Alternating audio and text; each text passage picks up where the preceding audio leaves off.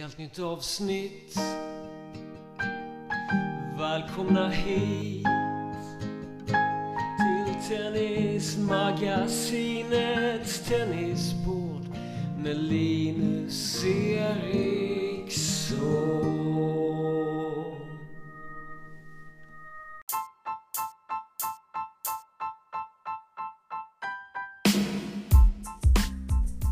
Idag gästas Tennismagasinets podcast av ingen mindre än den före detta världsfyran Robin Söderling. Robin nådde som de flesta vet två finaler i Franska öppna, är en av ytterst få spelare som besegrat Rafael Nadal på grus, är svensk Davis Cup-kapten samt grundare av företaget RS. I dagens superintressanta avsnitt berättar Robin bland annat om hur mycket han tränade som junior och med vilka han tränade, vad han som före detta proffs kan förmedla till spelare som coacher som saknar bakgrund inom elitennisen inte kan. Vad Magnus Norman konkret bidrog med till Robins mentala styrka, hur man förbättrar jämnheten som tennisspelare och så får ju givetvis Robin de vanliga frågorna som jag ställer till alla gästerna om svensk tennis största styrka, svaghet samt vad han som härskar över svensk tennis hade prioriterat att göra för förändring. Hoppas ni gillar avsnittet. Vill ni kontakta mig så går det bra via Instagram, linus-se eriksson eller via mail linus.eriksson. Nu njuter vi av Robin Södling.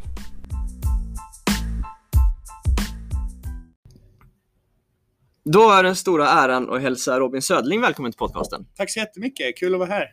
Eh, Robin, eh, om du skulle få börja med att på ah, ungefär en minut någonting eh, sa sammanfatta liksom ditt liv och varför det blev just tennis. Hur skulle det, till där du är idag, hur skulle ja, det låta då? Eh, en bra fråga. Eh, jag, eh, när jag var liten så var jag, jag var en sån här kille som jag, jag älskade sport. Jag höll på med, med massa sporter och, och inte bara organiserat utan vet, man spelar fotboll i trädgården och man spelar bandy på rasterna i skolan och eh, jag tyckte all sport var kul.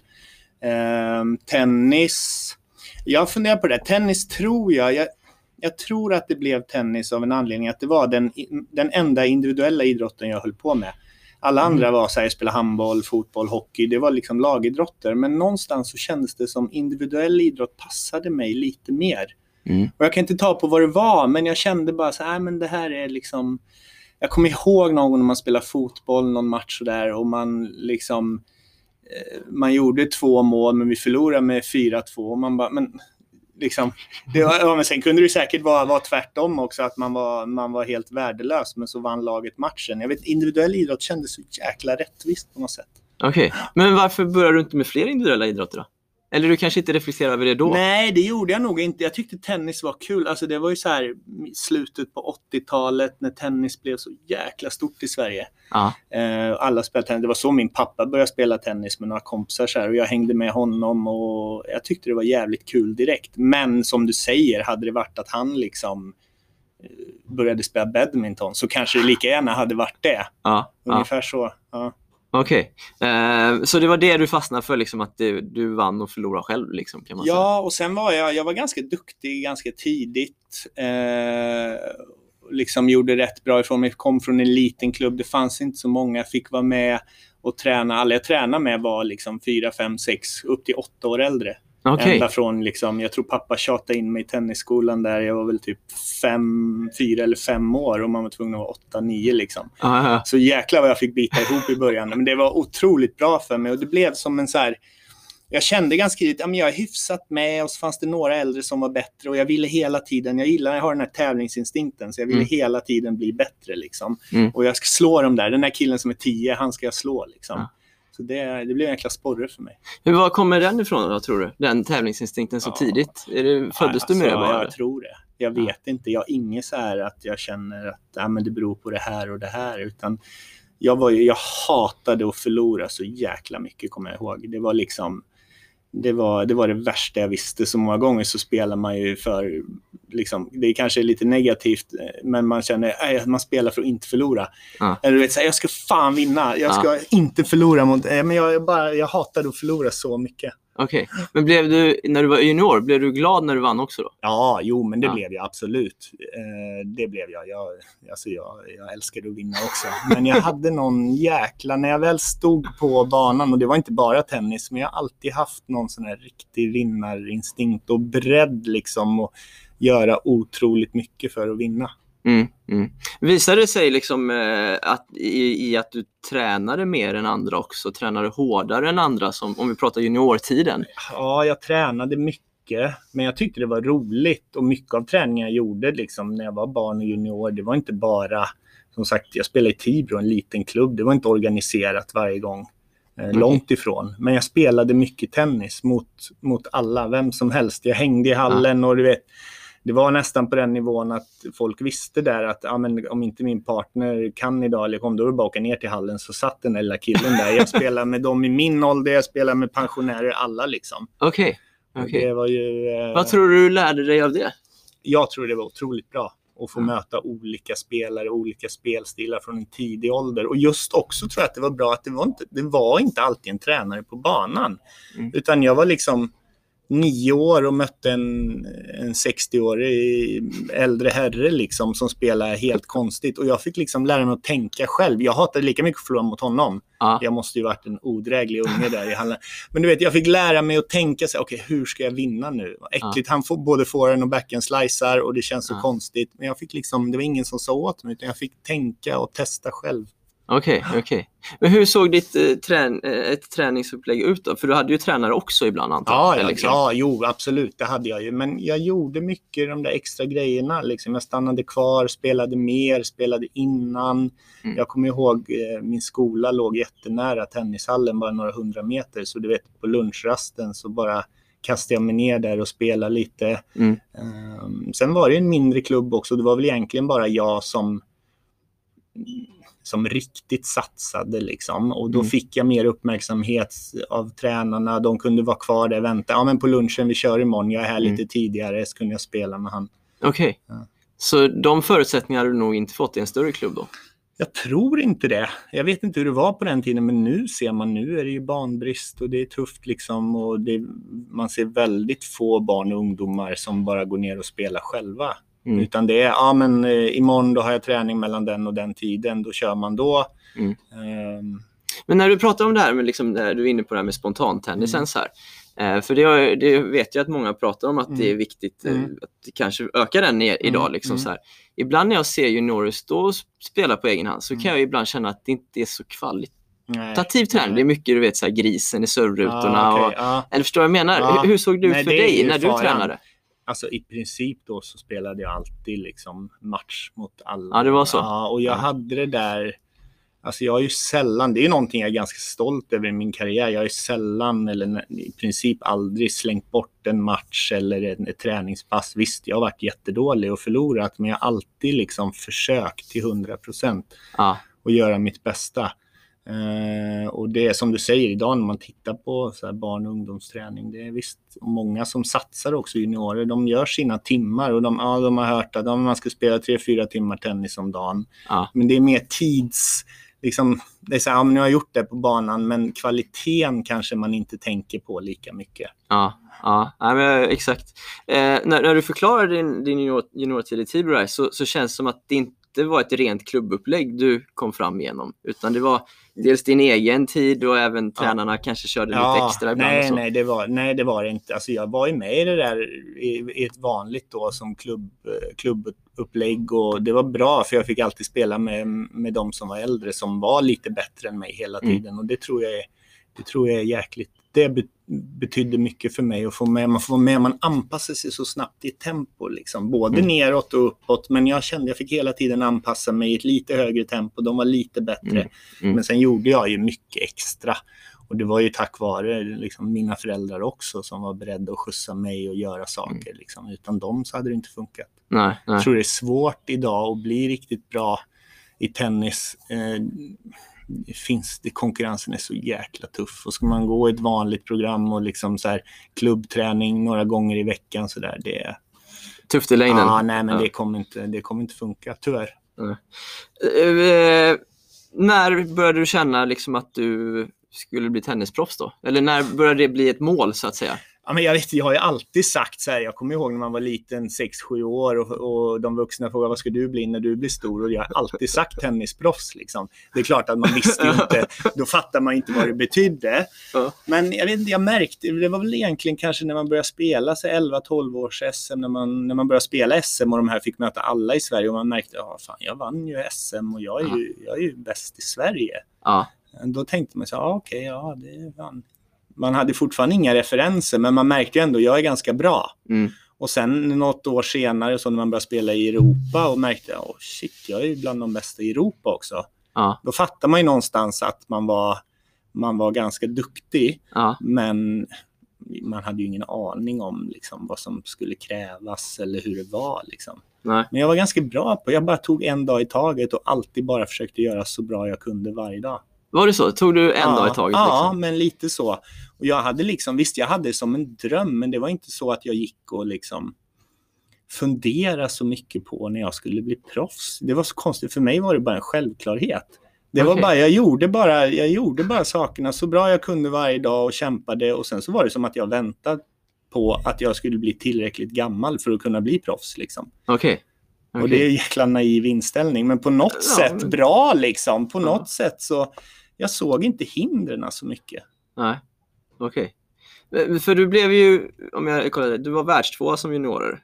Eller som junior. Det kan nog stämma kanske. Ja, Ja, jag, jag, jag, tror det. kanske Om jag, jag, jag, jag, Ja. kollar, det stod så i alla fall. Ja. Eh, hur- hur viktigt tror du det är att vara bland de bästa som junior? Eh, Alltså om man tittar rent statistiskt sett så många av dem som, som blir riktigt bra, de har ju också varit bra som juniorer. Mm. Eh, Jag tror inte att det är ett måste. Men, men igen, liksom, man ser ju att de som har blivit bra, det är väldigt få, som, i alla fall som slås in bland de liksom 20-30 bästa i världen, som inte också varit duktiga juniorer. vad, vad får man med sig som bra junior då? Eh, Jag fick med mig otroligt mycket erfarenhet och redan från när jag var, när jag tror jag var utomlands första gången och spelade, 12, 13, 12 år tror jag. Ja, Och sen fick jag spela i EM och vara med hela tiden och mäta sig med de, med de allra bästa från de andra länderna också. ja, Och se på hur de tränade, hur de gjorde, vad var annorlunda mot, mot vad jag gjorde. mm. Ehm, Jag fick en otrolig erfarenhet av det. Okej, som du sen kände att du hade nytta av då när du skulle ta steget ja, in? absolut. Och liksom sen när man skulle börja ta steget och börja spela Future, då hade man ju varit med och spelat internationellt under många år. Liksom. Ja, Ehm, så då visste jag ju lite vad det handlade om. Men det var ju också någonting, jag fick ju otroligt bra uppbackning av Tennisförbundet på den tiden. Mina föräldrar skulle aldrig haft råd att liksom skicka ut mig 10-12 veckor om året överallt runt världen, liksom redan som 13-14-åring. Så det var, det var väldigt bra. okej. Men då skick, de, de stöttade dig ekonomiskt då? Att, eh, Ja, men åka det, var ju mycket resor. Vi reste till tävlingar, då var det inte bara EM och sånt, utan man åkte till de större, de större juniortävlingarna. Mm. Ehm, Det var nästan alltid en ledare med. Ehm, Så det var, ja, det var väldigt bra. Och Om man säger när du sen blev senior då Mm. eh, och tog steget in eh, på seniortouren så här. Eh, hade du liksom stor respekt för de äldre spelarna i början? Eller kände du att nej men jag är ju du hade ändå varit bland de bästa i världen som junior. Liksom. Eh, Tog du för dig i början också? Eller hur Ja, kändes men det? jag tror, jag tror att jag hade Egentligen har jag, alltså det nästan om man ska summera min karriär så har jag nog de roligaste minnena och den bästa tiden är nog kanske just i början där när jag började spela mot seniorer efter min juniorkarriär. Okej. För då var liksom, jag kommer ihåg hur man, ja, jag började spela Källningar, kvala in och kanske mötte de spelare som man faktiskt hade sett på på tv några år innan. Ja. Och jag märkte ganska snabbt, jag hade haft en tanke då att när jag var junior att det där är ju, de är hur bra som helst. Men jag märkte ganska snabbt att, ja men, ja, visst de är bra liksom, men jag kan ju, jag kan ju slå dem. Ja. Och då släppte mycket av den där, den där respekten släppte ganska fort för mig. Okej, okej. För det steget tänker jag att där har ju många, det är lite svåra Ja, att liksom är etablera ju- sig där. Ja. Och du, du var kanske bara så pass bra att du klarade det na, lite mer naturligt. Ja, då, men eller? jag var nog tillräckligt bra för att ta mig igenom det här steget med Future ganska så fort. Ja, Eh, vilket tror jag är väldigt viktigt. Där är det nog... Det är många som fastnar där. Och jag Ja, ja, tror är att ju längre tid man fastnar där, Och jag har ingen belägg för det, men det känns som att ju svårare blir det att ta steget upp. Liksom. Man vänjer sig vid det där, man fastnar i det där och det blir din värld. Ja, ja. Ehm, Jag spelade inte så många Future. Jag började kvala i Källninge, kvalade in, vann några runder, var framme lite i Källninge ganska tidigt. Ja. Så jag kom över det där tuffa steget, både ekonomiskt och mentalt, liksom, ganska fort. ja, Det var ja. också viktigt. Om man fastnar på den här nivån av Future, det är ju Mm. svårt att säga så här, men, Mm. men liksom, hur tänker du att man ska ta sig vidare då? Måste man liksom utvärdera sitt spel? Liksom, Ja, vad det får man... ju börja med. Först får man tänka på liksom, vad är det som gör att jag inte, att jag inte kommer vidare. Mm. Eh, Det, liksom, det måste man ju titta på först, absolut. Men jag tror inte att det är så himla dåligt heller att testa lite. Ja, men jag fastnar på Future. Ja, men jag åker och spelar några kärnlinjekval eller försöker Mm. att testa liksom. Se skillnaden. Vad är det? Vad gör de spelarna annorlunda? Det är ju någonting jag märkte ja, när man kom in på Källinger och sen kanske framför allt när jag började spela liksom riktiga ATP-tävlingar, hur man märkte hur alla spelare runt omkring, det var en helt annan liksom känsla. Alla var mer seriösa, alla gjorde mer. Mm. Och man lär ju sig mycket av att bara titta och träna med de bästa spelarna också. Liksom. Mm. Och man, Mm. det är igen, anpassning. Man anpassar sig så lätt till den miljön man är i. Alltså fastnar man på Future, det blir lätt att man gör som alla andra där och det finns en anledning att de, de flesta där, som, de har fastnat där av en anledning. Liksom. Ja. Och då är det nog lätt att, kanske omedvetet, att man, man, man gör samma saker. Men kommer du in istället på ATP-touren och ser alla där, då blir det lätt att du anpassar dig till det och det blir din värld. Liksom. Ja, ja, ja, men exakt. Skulle, skulle du säga att du alltid har, liksom har varit eh, väldigt seriös med din tennis? Eller? Ja, jag har tagit det väldigt seriöst. Sen har jag ju säkert gjort otroligt många fel också, sådär. Eh, som, jag, som jag har lärt mig mycket av. Men jag har alltid varit seriös på det sättet att jag alltid har... Ja, men jag har alltid gjort mitt bästa. Jag har alltid velat utvecklas. Eh, och jag har alltid försökt hela tiden att bli bättre på saker. Mm. Okej. Och det är ju mycket de där små, små detaljerna, små grejerna. Är man beredd att göra det där lilla extra, gå den där lilla extra Ja. milen liksom, och man hela tiden gör det, du kommer inte se skillnad på en dag eller en vecka eller kanske Ja. en, en månad, men över tid Ja. så är det ofta, det, det ger resultat liksom. Och det var inget jag tänkte på, utan för mig var det bara så, det, det var så jag gjorde liksom. Ja. Men är det du själv som liksom har hela tiden tagit initiativet till att göra det extra? Eller har du haft tränare eller förälder som liksom Både ändå och, hjälpt dig lite med att Ja. knuffa dig framåt? Ja, det har jag. Och jag kanske var... Alltså alla är ju så olika. Jag var nog den personligheten som kanske inte... Jag behövde nog inte så mycket knuffa framåt, men jag hade det också. Mm. Ehm, och alla är så olika. Man ser vissa personligheter, ja men de kanske man behöver ge en spark i rumpan ibland liksom och pusha på. Andra kanske man istället måste hålla tillbaka lite. Mm. För att eh, Var du en sån eller? Ja, men jag tror att jag hade nog kanske behövt det. Jag hade nog kanske behövt inse lite tidigare att mer är inte alltid bättre.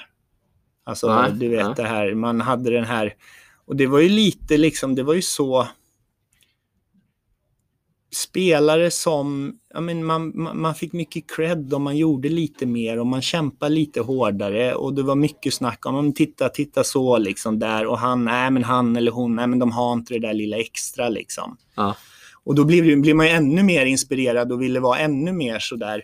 Samtidigt Mm. så kanske jag istället då hade behövt någon som höll tillbaka mig och kanske berättat att ja, men mer är inte alltid bättre. Man blir bättre i vila också. Liksom. Ja. Fast du blev ju ändå näst, nästan bäst i världen. Ja, jo, nej, men jag, det har ju liksom många saker haft. Jag har haft lite flyt också. Många saker har, har, har fallit på bra plats. Jag har inte haft de, kanske de bästa tränarna i min uppväxt, men jag tror också att alltså, jag föddes kanske med fysisk egenskap som passar ganska bra för sporten tennis. Ja. Så mina slag blev rätt okej utan att jag haft så mycket liksom, teknikträning, mycket... Alltså det är inte så många som har varit på mig om teknik varje dag hela tiden. Och det är nog bara lite tur också. ja, att jag ja, föddes med dem. Ja, men det kunde varit... Ja, men jag, jag, tror, jag tror att jag föddes med en fysik och liksom som passar bra för tennis. Ja. Men du säger att det inte var så mycket teknikträning och så. Hur, hur, hur, mycket, hur tränade ni mycket då? Var det mycket matchspel eller? Ja, det var det. Sen hade vi hade mycket träningar, men jag spelade väldigt, väldigt mycket tennis. Ja. Alltså med, med många. Och det, och det krävs, tennis är ju en sån sport, det krävs otroligt mycket upprepning, framförallt i, i unga år. Mm. Och det fick ju jag. Mm. Sen är det klart att hade jag haft liksom någon som tidigt tittade på, liksom, speciellt på de mina, som kanske mina svagheter, om jag tidigt hade fått en tränare som hade jobbat mycket med teknik i volleyn, i slicen Mm. till exempel, då kanske jag hade varit ännu bättre. Mm. Det vet man inte. Men liksom grunderna, surfåren, backen och så, det, med lite flyt så satt det ändå där på något sätt. Ja, det är nog inte bara flyt kanske. Men, Nej, inte flyt, men, men, men, Men jag förstår vad du menar. Ja. Ja. jag förstår vad du menar. Eh, du, du jobbade ju så småningom eh, åtta år med Peter Karlsson som, Mm. som tränare Mm. eh, och sedan med Magnus Norman från och Mm. med hösten 2008 eh, Ja. läste jag mig till. Eh, I alla fall i media så fick man en bild av att det Magnus hjälpte dig mycket med, mycket med var det mentala, Mm. att göra dig Mm. mer, stabil på banan. Mm. Eh, skulle du kunna berätta lite vad, liksom, vad konkret var det ni, eller han hjälpte dig med liksom, så här, när det gäller den biten? Ja, men Om du Ja, upplever att det stämmer? Abso- jo, men absolut, det stämmer. Jag brukar säga så här, man hör ju så många gånger hur många sa, ja men då när du låg där fyra i världen, jäklar, ja men bara det året du, du förbättrade din serv och din backen var mycket bättre, din forehand. Jag kände inte att, alltså rent tennismässigt, slagmässigt, jag var fan inte bättre när jag låg fyra än mot när jag låg 24. Men däremot så, jag lyckades liksom, jag tror den största insikten för mig som jag kom till, det var liksom att bara acceptera att det kan inte kännas perfekt varje dag. Okej. Någonstans så hade jag det här, jag är nog lite perfektionist och så jag, hade, jag visste hur bra jag kunde spela när jag spelade som allra, allra bäst. Och det Mm. vet ju alla som håller på med, med tennis att det är inte så ofta man, man Nej. bara känner sig fantastisk på banan. Men det var liksom min måttstock och alla de 90% av dagarna det inte kändes så bra, då var jag liksom frustrerad. För jag visste hur bra jag kunde spela. Och det där kämpade jag emot otroligt mycket under lång, lång tid av min karriär. Men liksom jag kom till någon insikt att ja, men, alltså, jag kan inte vinna mot det här. Det går Nej. liksom inte. Ibland vaknar man och det bara känns fantastiskt. Man vet inte varför egentligen. Mm. Och liksom det var så här, jag fick en insikt om att ja, men tennis, det går ju, men det finns inga stilpoäng i tennis. Liksom. Det Nej. behöver inte vara snyggt. Det går Mm. ut på att hitta ett sätt att vinna matchen. Mm. Och jag märkte att jag kunde slå väldigt många bra spelare utan att spela min bästa tennis. Och det tror jag det är lite det som utmärker en, en, en bra tennisspelare också. Alla kan ha fantastiska dagar och man Mm. ser skrällar sådär. Men det är liksom inte vad du gör några få gånger på ett år. Utan just vad du lyckas, hur du lyckas hålla ihop det under en hel säsong. Mm.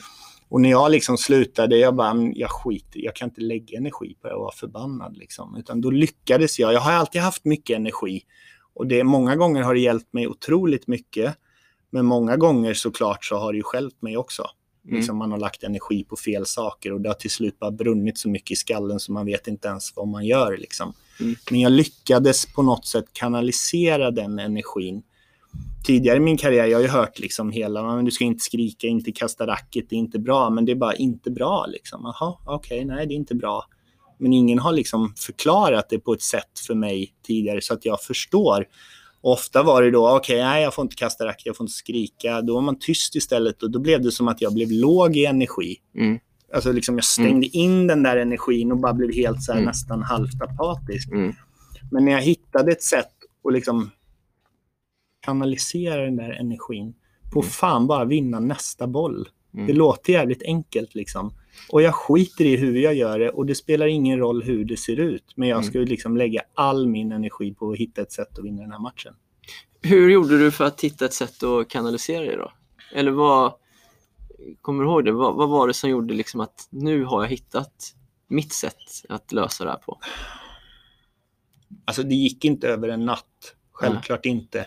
Men någonstans så kände jag så här, dels så så jag har berättat den här historien många gånger förut, men eh, det var i US Open. Eh, jag hade förlorat första omgången tror jag och Federer hade vunnit första gången. Vi kom in och liksom hamnade bredvid varandra i, i, Ja. i omklädningsrummet.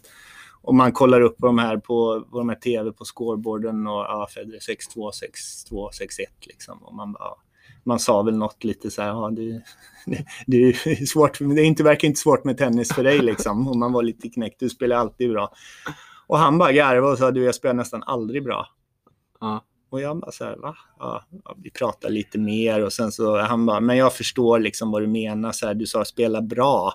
Men spela bra gör man ju bara ja, men 10% av matcherna man spelar under ett år. Liksom. Ja, ja. och det är så jag känner också. Ja, men man ska ju vinna matchen. Ja. Och liksom när jag började fundera på det där lite och smälta det där. Bara, ja, men det är nog fan. Till och med för Federer som var överlägsen världsetta då vid den tiden. Så här, han spelar inte heller bra jämt. Mm. Och det, är liksom, det spelar ingen roll om du är Federer eller Djokovic eller en amatör. Eller liksom, ibland känns det bra. Det kommer nog fortsätta så hela karriären. Mm. Mm. Och då var det så här, jag kan inte hålla på längre och bara och bara kämpa med det här för jag kommer inte vinna. Jag kommer inte liksom hitta ett sätt där jag vaknar och allt känns fantastiskt varje dag i resten av min karriär. Mm. Och när jag liksom släppte det där, det var som en motståndare som jag, ja men okej, jag har försökt nu i 20 plus år, jag kan inte slå den här motståndaren. Jag kan inte hitta ett sätt att det alltid känns Mm. bra. Så när jag liksom lite bara accepterar det, det enda jag kan påverka är vad jag gör av det jag har för dagen. Mm. Och det är liksom mina bästa år sådär. Jag, alltså jag spelade så dåligt i så många matcher. Det var ibland som man tänkte så här, jag tycker synd om de åskådarna som betalt pengar för att se det här. Så var min känsla, så dåligt kändes det. Men jag vann så otroligt många matcher ändå liksom.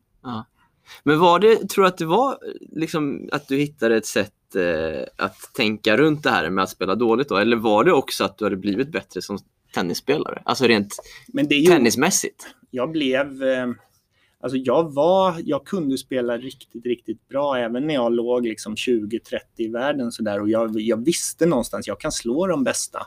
Mm. Ehm, men eh, det är svårt att säga, men jag tror att det där gjorde framför allt...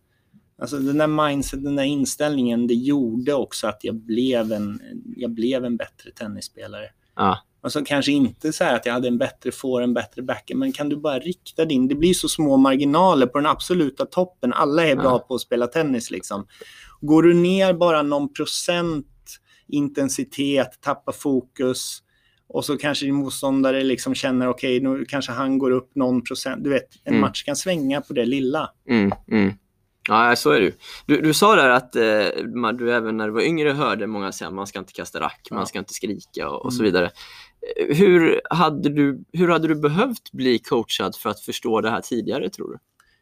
Ehm, jag hade behövt någon som liksom utvecklar det där lite mer. Varför? Och kanske använt ord som, de, som jag förstod.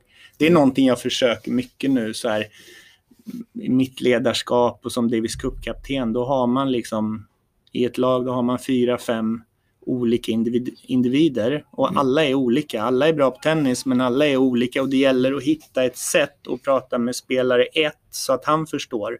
Mm. Men spelare två, jag kanske vill få fram samma budskap Mm. men jag måste liksom hitta så att han också hittar ord och och få fram budskapet med så att jag märker att han förstår. Ofta är det när det förknippas med en känsla Mm. för mig var det så här när jag testade det här och började så här och vann matcher och jag kände så här, jag fick en känsla, ja men fan det här funkar ju liksom. Mm. Och, så här, och jag kunde känna den här matchen hade jag nog inte vunnit för två år sedan.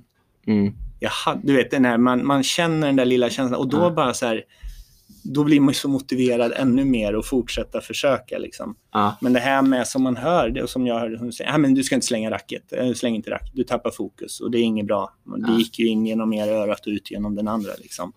För det det fanns inget, inget mer, ingen mer substans att ta i än bara de orden. Ja. Ja. Just det.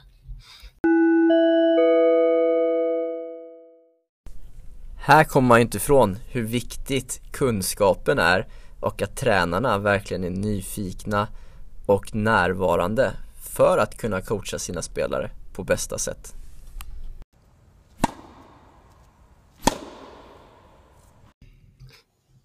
Eh, som, som spelare Robin så, så hade du ett eh, tuff, tung serv, du slog hårt på bollen, eh, relativt platt ändå, såg det i alla fall utifrån ut Mm. som. Eh, hur mycket jobbar du med att förbättra dina styrkor respektive som du själv var inne på att även utveckla liksom dina svagheter och en verktygslåda så att säga? Det där är ju en jäkla avvägning. Eh, jag tror det, i, mot slutet av min karriär så började jag faktiskt jobba mer på mina svagheter. Jag kanske skulle gjort det lite tidigare, men någonstans så kände jag så här att om jag ska förbättra min forehand, det krävs så otroligt mycket jobb för att kanske få den 1% bättre. Ja, Men med samma jobb så kanske jag kan få min volley 10% bättre. ja okej. Alltså lite den, förstår du, lite den, den, den tanken. Och jag kände ju, jag, jag var ju, när jag spelade som bäst, då var jag där uppe och kände liksom att det som var skönt att känna då, det var att när jag gick in i varje tävling så hade jag i alla fall en känsla av att ja, jag kan vinna den här tävlingen. Även om det var en Grand Slam-tävling. Jag var inte favorit, inte första, andra eller tredje eller kanske ens fjärde favorit. Men jag kände att det finns i alla fall en möjlighet att jag kan vinna den här tävlingen Mm. om allt klaffar. Och då kände jag, okej, men vad är det? Vad är de sista stegen jag behöver? Jo, men det är att förbättra vissa saker och då la jag otroligt mycket tid på dem. Okej, som till exempel vol- Ja, volleyn, volleyn, komma fram på nät i rätt lägen. Eh, jag, jobbade, jag jobbade på slicen, kunna mixa upp mitt spel och hitta liksom som en liten dimension till i mitt spel. Okej, okej, okej. Om, om man säger rent generellt så här under åren du, du, du kom fram till toppen. Hur, hur, liksom, hur, hur kunde träningar se ut? Var det mycket slagträning eller var det mycket att du jobbade mycket med server till första slag? Förstår du menar? Hur, Mm. hur liksom kunde en, ja, hur såg en standardträning Ja, ut för dig? Så? Eh, ja, standard. Ja, det är svårt att säga, men... nej, men eh, som, som junior, som barn och junior, då var det mycket slagträning. Och jag tror det krävs. Det krävs. Det är en sport som kräver mycket upprepning. Liksom. Den så kallade trå, tråkiga Man träningen. måste slå mycket på Ja. bollen. Senare i min karriär så var det mycket, mycket som du säger, spelsekvenser. Serv, första slag, jag jobbar mycket på returerna och Okej. mycket hitta kombinationer och spelsekvenser i mitt spel. Liksom. Okej, okej. Så här, mönster som du kände, Ja. det här är liksom, Ja. Ja. känner jag mig trygg med. Liksom, Ja, och också man, man känner ju ofta liksom, min får en ofta när jag, jag slår den där, där slår jag den bra. Vad händer många gånger när jag har pressat ut min motståndare på hans fåren? Vad händer? Vilka bollar brukar jag få tillbaka? Hur kan jag hitta ett sätt liksom att komma in och få ännu mer övertag på nästa Okej. boll? Sådana här saker jobbar vi mycket med. Okej. När, när, du, när du spelade matchen, Mm. hur mycket gick du ut och tänkte du ska följa din gameplan Mm. eller din spelstil Mm. kontra liksom en taktisk eh, grej mot just den här Eh. motståndaren? Jag skulle nog säga att det var nog nästan 90-10 min egen gameplan. Okej, för att du eget. du känner att jag är ja, så men jag pass kände bra. mig trygg med det. Och sen så såklart så visste man ju liksom, man, man kan ju alla, man har tränat med alla, mött alla, så man vet ju alla spelares styrkor och svagheter. Mm. Men för mig så var det liksom, jag gick all, nästan alltid ut och försökte spela mitt spel. Sen Mm. fanns det alltid en plan B, liksom, om inte det funkar, vad ska jag göra då? Mm. Sen är det sådana små grejer man visste. Ja, men den här spelaren, han servar oftast, hans bästa serve är utåt där. Eller, eller ehm, när du kommer fram, han passerar mycket bättre med forehand eller bättre med backhand. Mm. Sådana saker. Men liksom jag försökte alltid gå in och inställningen och spela mitt spel och vara den som styr. Och det var lite så jag behövde spela också. För jag hade bra grundslag, jag var bra på att sätta press på motståndaren, slog ganska hårt. Ehm, Ganska hårt. Du slog ju stenhårt. jag slog allt vad jag orkade i alla fall. men, men mina svagheter var ju, var ju kanske när jag hamnade i defensiven. Ja. Och ta mig ur och vända och vända underläge till överläge i poängen. Ehm, så mitt spel var ju att försöka hela tiden vara den som styrde. Okej, För att maskera att jag kanske inte rörde mig så bra. Även om det blev mycket bättre. Och det var ju en sak jag jobbade otroligt mycket på också. Liksom, hur Okej. jag rörde mig på banan. okej. Eh, på- Jobbar du med det på banan då? Liksom, eller? Ja, både och på banan och utanför, utanför banan. Okej, okej. Eh, du, du nämnde här liksom i, tidigare att du som ung, att du hatade nästan mer att förlora än du ville vinna, Mm. så att säga. Mm. Eh, följde det med upp i åldrarna också, när du blev senior? Ja, men det gjorde det. Eller det var så här, varför jag sa innan här att den bästa tiden, den roligaste tiden i min karriär var nog kanske efter junior och där när jag började spela Challenger, kom in på ATP-touren. För då var en känsla, liksom, allt var så nytt, det kändes som att jag hade ingenting att förlora. Jag Ja. mötte mina gamla idoler. Liksom. De Ja. satt nästan kvar på, jag kommer ihåg, alltså första gången jag mötte Tompa Enqvist, då tror jag fortfarande att eh, en plansch på honom satt liksom kvar i rummet hemma hos mina föräldrar i Tibro. Jag var typ 16-17 år. Och liksom man hade, var hela tiden så ja, men om jag förlorar, det är liksom, de är favoriter. Och det var hela tiden en känsla av att jag hade något att vinna. Mm. Var du lika besviken om du förlorade då? Ja, nästan alltså. Okej, Nästan. Även fast du kände att men jag har allt att vinna? Liksom, Ja, så. men nästan. Jag har alltid hatat att förlora. Nej, det är klart att man var, allt, man var lite mer besviken om man, om man förlorar mot någon som man på pappret kände att man var favorit mot. Ja. Men det var ändå rätt... Jag kunde ha liksom, jag kunde kanske ha känslan när man gick in på en match mot de här i början att ja, men fan, jag ska göra en bra match och försöka vara med. Men sen när matchen utvecklar sig, det där släpper ju liksom. Ja. Efter bara några game så bara vet jag att jag tänkte jag ska fan vinna. så, men det var, det var en annan känsla, framförallt innan matcherna. I slutet av min karriär, det som blev jobbigare, det var liksom att jag fick den här känslan av att nästan alla matcher jag spelade var ju mot lägre rankade spelare. Ja. Alltså när jag låg- var som bäst, då var det bara Nadal, Federer och Djokovic som låg etta, tvåa, trea. Ja. Och det betyder att på pappret så är jag ju favorit liksom i, i alla matcher jag spelar. Och jag märkte att det blev lite den där känslan, ja okej, o- om jag vann då var det mer liksom lite lättnad och förlorar man då var det mer katastrof. Ja. De där utmaningarna, liksom, om man tittar på match för match, Mm. försvann lite. Det blev en lite mer negativ känsla. Ja, för jag tror du har nämnt i, i någon tidigare podd jag hört Mm. med att du, du, du, jag tror du uttryckte det väldigt bra att du gick från att vara ett jagande lejon till att bli den Ja, jagade ja. istället. Eh, och hu- hur skulle du liksom så här i efterhand, skulle du ha hanterat det på något annorlunda sätt tror du? Om du tyckte att det, om du upplevde att det blev jobbigt så att säga. Ja, jag försökte jättemycket. Alltså någonstans så ska, måste jag bara säga först att det är någonting med hur imponerande att de här, de tre giganterna som vi har haft liksom, Ja. att de har levt med den här pressen i, de har varit i den här situationen i 20 Ja, år liksom, och de faktiskt. fortsätter.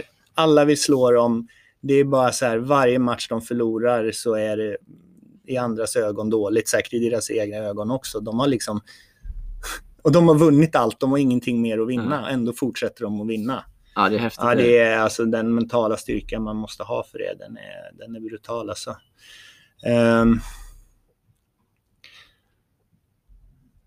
jag vet inte hur jag liksom... Alltså jag kände... Någon, en sak som hjälpte mig. Jag försökte hitta... Jag försöker hitta sätt att förhålla mig till det. Ofta är det så här, tennis på det sättet det är ju tufft också. Hur rankingen är uppbyggd. Att du, liksom, du har poängen i ett år, sen måste du försvara. Mm. Det blir också så här. Jag kommer ihåg när jag gick in på banan eh, första omgången i Paris. Jag hade inte spelat så bra innan 2010 och jag bara, final och försvara. Liksom. Det, var ju så här, det, var bara som, det fanns bara saker att förlora. För varje omgång jag vann, visst, så, så var det lite mindre, lite mindre att förlora. Ja. Och det var jävligt tufft. Så jag försökte hitta, det var faktiskt Ali, min fystränare, som hjälpte mig med en jävligt bra grej som funkar lite. Det är helt sjukt, men jag, han, han tyckte jag pratade om så här, ja men oh shit, nu måste jag försvara det här och liksom, förra året var jag i semi här och han bara, men vad fan, poängen, du kan inte göra någonting åt det, skit i det. Varför tänker du på liksom det som har varit för ett år sedan? Mm. Ja, men det är inte så lätt. Så här, jag kan bara förlora, jag kan inte vinna någonting här nu, liksom första omgången. Mm. Och han sa, ja men du kan ju vinna pengar. Ja, jo, jo, men alltså så här, då hade man kommit rätt långt i karriären och man, man funderade inte. Alltså jag hade velat vinna en Grand Slam-final lika mycket om det var noll i prispengar. Liksom. Ja. Ja. men vadå? Ja, men det behöver du inte försvara. Ja, just det. Nej, nej. Alltså, hur mycket pengar har du tjänat den här tävlingen? Nej, jag, jag har inte spelat den. Nej, exakt, om du vinner här nu, du, du är bara en chans. Ja. Alltså du behöver inte ge... Okej, om du vinner den här så tittar han så här. Ja, men då det är 40 000 euro. Ja. Ja, men du behöver inte ge din motståndare 40 000 om du förlorar. Nej. Nej, nej, fan, nej. nej. Så, så det är ju bara en chans. Tänk på det då liksom. Okej. Och inget att förlora. Och det är liksom så här. Det blev, pengarna blev bara en symbol, men de Ja. där jävla poängen som bara är liksom några siffror. Mm. Jag har hängt upp mig så mycket på dem, men nu fanns det ju faktiskt en chans att liksom Ja. Ja, men jag har någonting att vinna hela tiden. Just det. Det hjälpte så det hjälpte lite? Ja, det hjälpte lite. Och jag tror att det är viktigt. Det kanske är något annat som funkar för en annan spelare, men att hitta Ja. den där positiva känslan. För det är, i alla fall var det så för mig, jag tror det är det för de flesta. Det är otroligt mycket skönare att jaga än att känna att man blir jagad. Ja, ja, det tror jag många kan identifiera helt, sig ja, men med. spela för att vinna eller spela för att inte förlora. Alltså resultatet blir ju samma. Ja. Vinner du så förlorar du inte. Men, men, men känslan i hela, liksom, hela känslan blir väldigt annorlunda. Har du, eh, har du liksom kollat mycket på ranking genom åren. Jag förstår ju liksom, sen var du längst upp på toppen, men så här i stegen uppåt, har du, har det varit något du haft mycket koll på, räknat poäng och så vidare? Nej, inte så mycket som, som junior. Sen, jag vet att jag gjorde det mycket, för jag hade ju någon dröm sådär om att bli topp 100. Ja, Så men då- det är klassiskt. Det ju... Ja, det var det liksom. Då, det var någon period där, där man bara, okej, hur många poäng är det kvar nu till topp 100 liksom? Och det kom närmare och närmare och närmare. Och sen vet jag, vet jag någon gång, jag tror jag kvalade in i US Open och liksom, det kom någon ranking sen och jag var 99. Oh. Och då kände jag bara, "Ha, nu har jag varit Firar du 100", då? Liksom. Ja, men det gjorde jag nog. Det var, det var en milstolpe. Ja, det är stort ju. Mm. Sen slut, alltså nej, sen så, ja, man, man tänker mindre på poängen och man tittar inte på rankingen sådär. Men det sjuka är att det blir ju så här, ju högre upp man kommer på rankingen, man kunde ju tappa liksom så här tusen poäng. Och så här, ja, jag är fortfarande femma i världen. Det blir ju liksom så här, Ja. så poängen blir lite, Det blir en annan bild Ja, Ja. men det är klart att man kanske tittar lite för mycket på rankingen ändå. Men jag ville ju, det var ju på något sätt, alltså vinna de stora tävlingarna. Mina mål var ju, mitt stora mål var ju att vinna en Grand Slam. Det var ju liksom, och sen rankingen, det är ju så här svart på vitt egentligen. Hur bra är du? Mm, mm. Det ja, ja, står men på det är papper liksom. Ja, ja, ja. Det är väl enda sättet, förutom att vinna matcher och tävlingar, men att mäta hur bra, hur bra är jag i förhållande till alla andra liksom. Ja. Eh, så- Som, eh, som spelare, liksom både med rankingen, men, men tennisen är tuff för man förlorar ju väldigt mycket matcher. Ja, ja, ja. Eh, Så här, de flesta veckorna, även om du har vunnit en del tävlingar, så, så slutar det oftast med Absolut. en förlust. Så här. Mm. Hur, hur, hur hanterar man mo- motgångar liksom, från vecka till vecka? Så? Mm. Även om du är en av de bästa i världen så Mm. förlorar Så du oftast ja, ändå. ja, ja, visst. Och det är ju även liksom sporten som så. Alltså, du förlorar ju du förlorar ju hela tiden. Du förlorar en poäng och så vinner du en poäng. Så Mm. förlorar du en poäng. Liksom bara om man tar ner det på den nivån Ja. också. Du måste förhålla dig till liksom från poäng till poäng också i en match och gem till Svintufft. gem. Ja, det är, på så sätt är tennisen jäkligt tuff. Ehm, och det är ju, jag tror, på, för mig så man, man liksom jag tror i början på karriären och så man förlorar mot någon och spelar dåligt, förlorar, fick stryk liksom första omgång två veckor, ja då kändes det ju som att äh, men nu, nu är det kört liksom. Nu, nu, nu, det är nu jag åker ner i källaren, det är nu det vänder.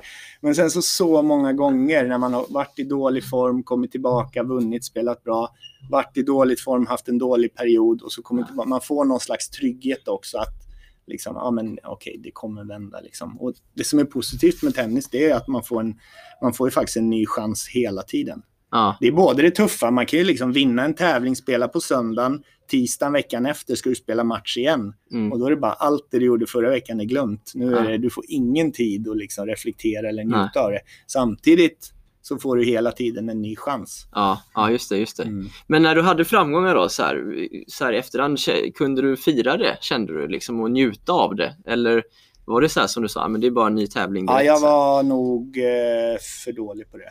Så här om jag tittar tillbaka. Liksom. Hade det varit bra att njuta mer av det, tror du? Det tror jag. Eller var det bra att du direkt ville ha en ny utmaning? Så? Nej men så här.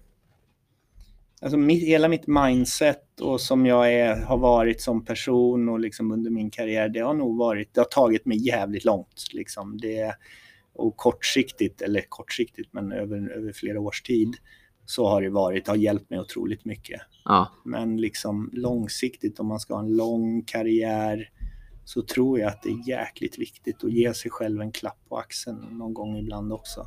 ja, Ehm, och stanna upp och bara liksom, det är först efter karriären som jag har tänkt så här, ja fan, ja jag var ändå med om det där. Alltså när jag var liten, jag drömde om att spela Grand Slam-finaler, vinna ATP-tävlingar. Mycket av det jag drömde om har jag faktiskt fått vara med om.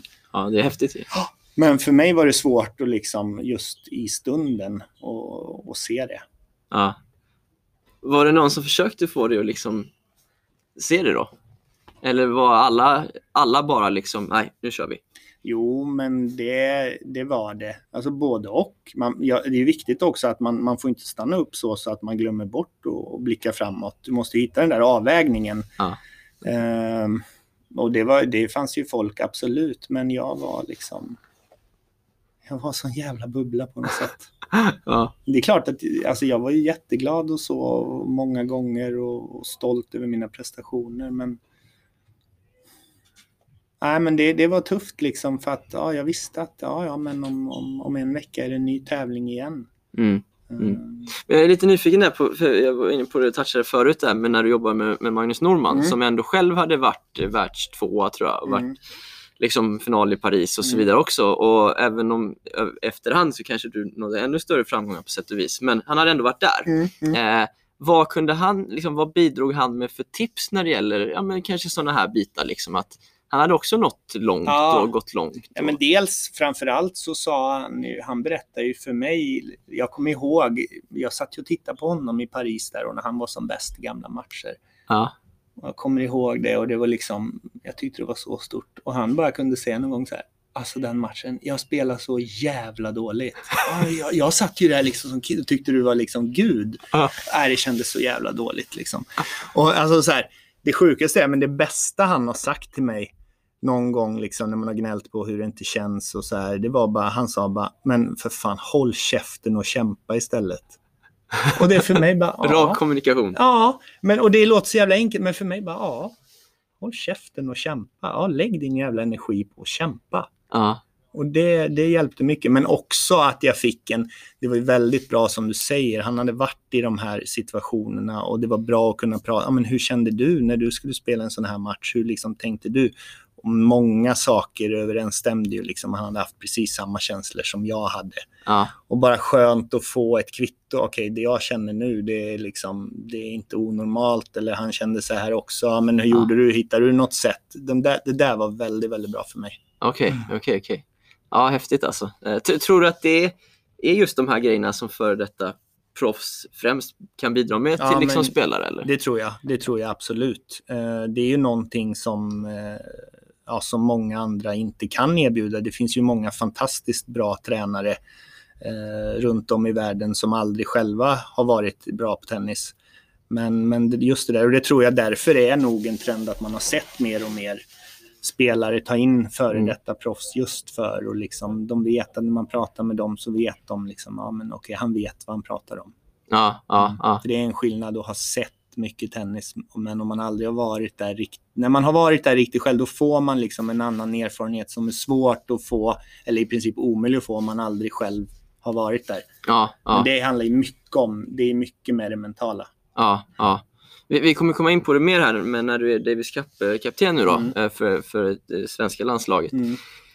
Så tränar du spelare som inte riktigt har varit på den nivån ändå, Mm. eller som inte, ja, de spelar, lever på sin tennis, Ja. men de är ändå på en lägre nivå än Ja, vad du var på. Ja. Eh, hur liksom, eh, kan, tror du att det ändå går att använda de här bitarna från din toppen av karriären på, när du pratar med dem? Eller måste du anpassa det lite då? Eller förstår du vad jag menar? Nej, ja, jag förstår vad du menar. Nej, jag tror att, eh, eller jag vet att det går. De har ändå kommit så pass långt så de spelar ju som du säger professionellt. Ja, Och för mig, liksom, när jag spelade ett Challenger-kval eller en Grand Slam-kvartsfinal, så känslan för mig var samma liksom, just på, på banan, på matchen. Det spelade ingen roll om det var en future någonstans eller liksom, Ja. om det var en, en riktigt stor match. Ehm, och de är ju ändå professionella spelare, så det... eh, jag försöker prata med dem och jag märker ju också att liksom, när man börjar prata med dem. De har mycket samma funderingar och tankar och rädslor och, allt sånt som jag själv hade också. okej. V- Okej, jag förstår. Eh, men vad försöker du liksom tala om för dem då, när de kommer med de här funderingarna? Ja, men jag försöker ju, som jag sa, som jag var inne på innan här, jag försöker, det är ju olika individ, individer och alla är ju olika. Ja, eh, och liksom fungerar på olika sätt. Och jag försöker vara noga med att försöka anpassa min kommunikation och hur jag pratar med dem.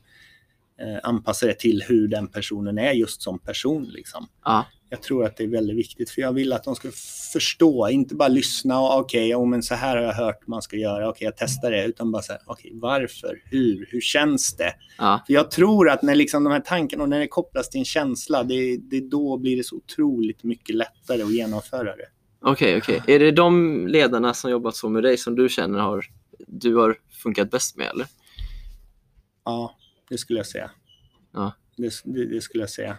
Uh, framför allt när man kom på lite högre nivå så där igen, marginalerna blir små och det på något sätt det mentala blir bara viktigare och viktigare.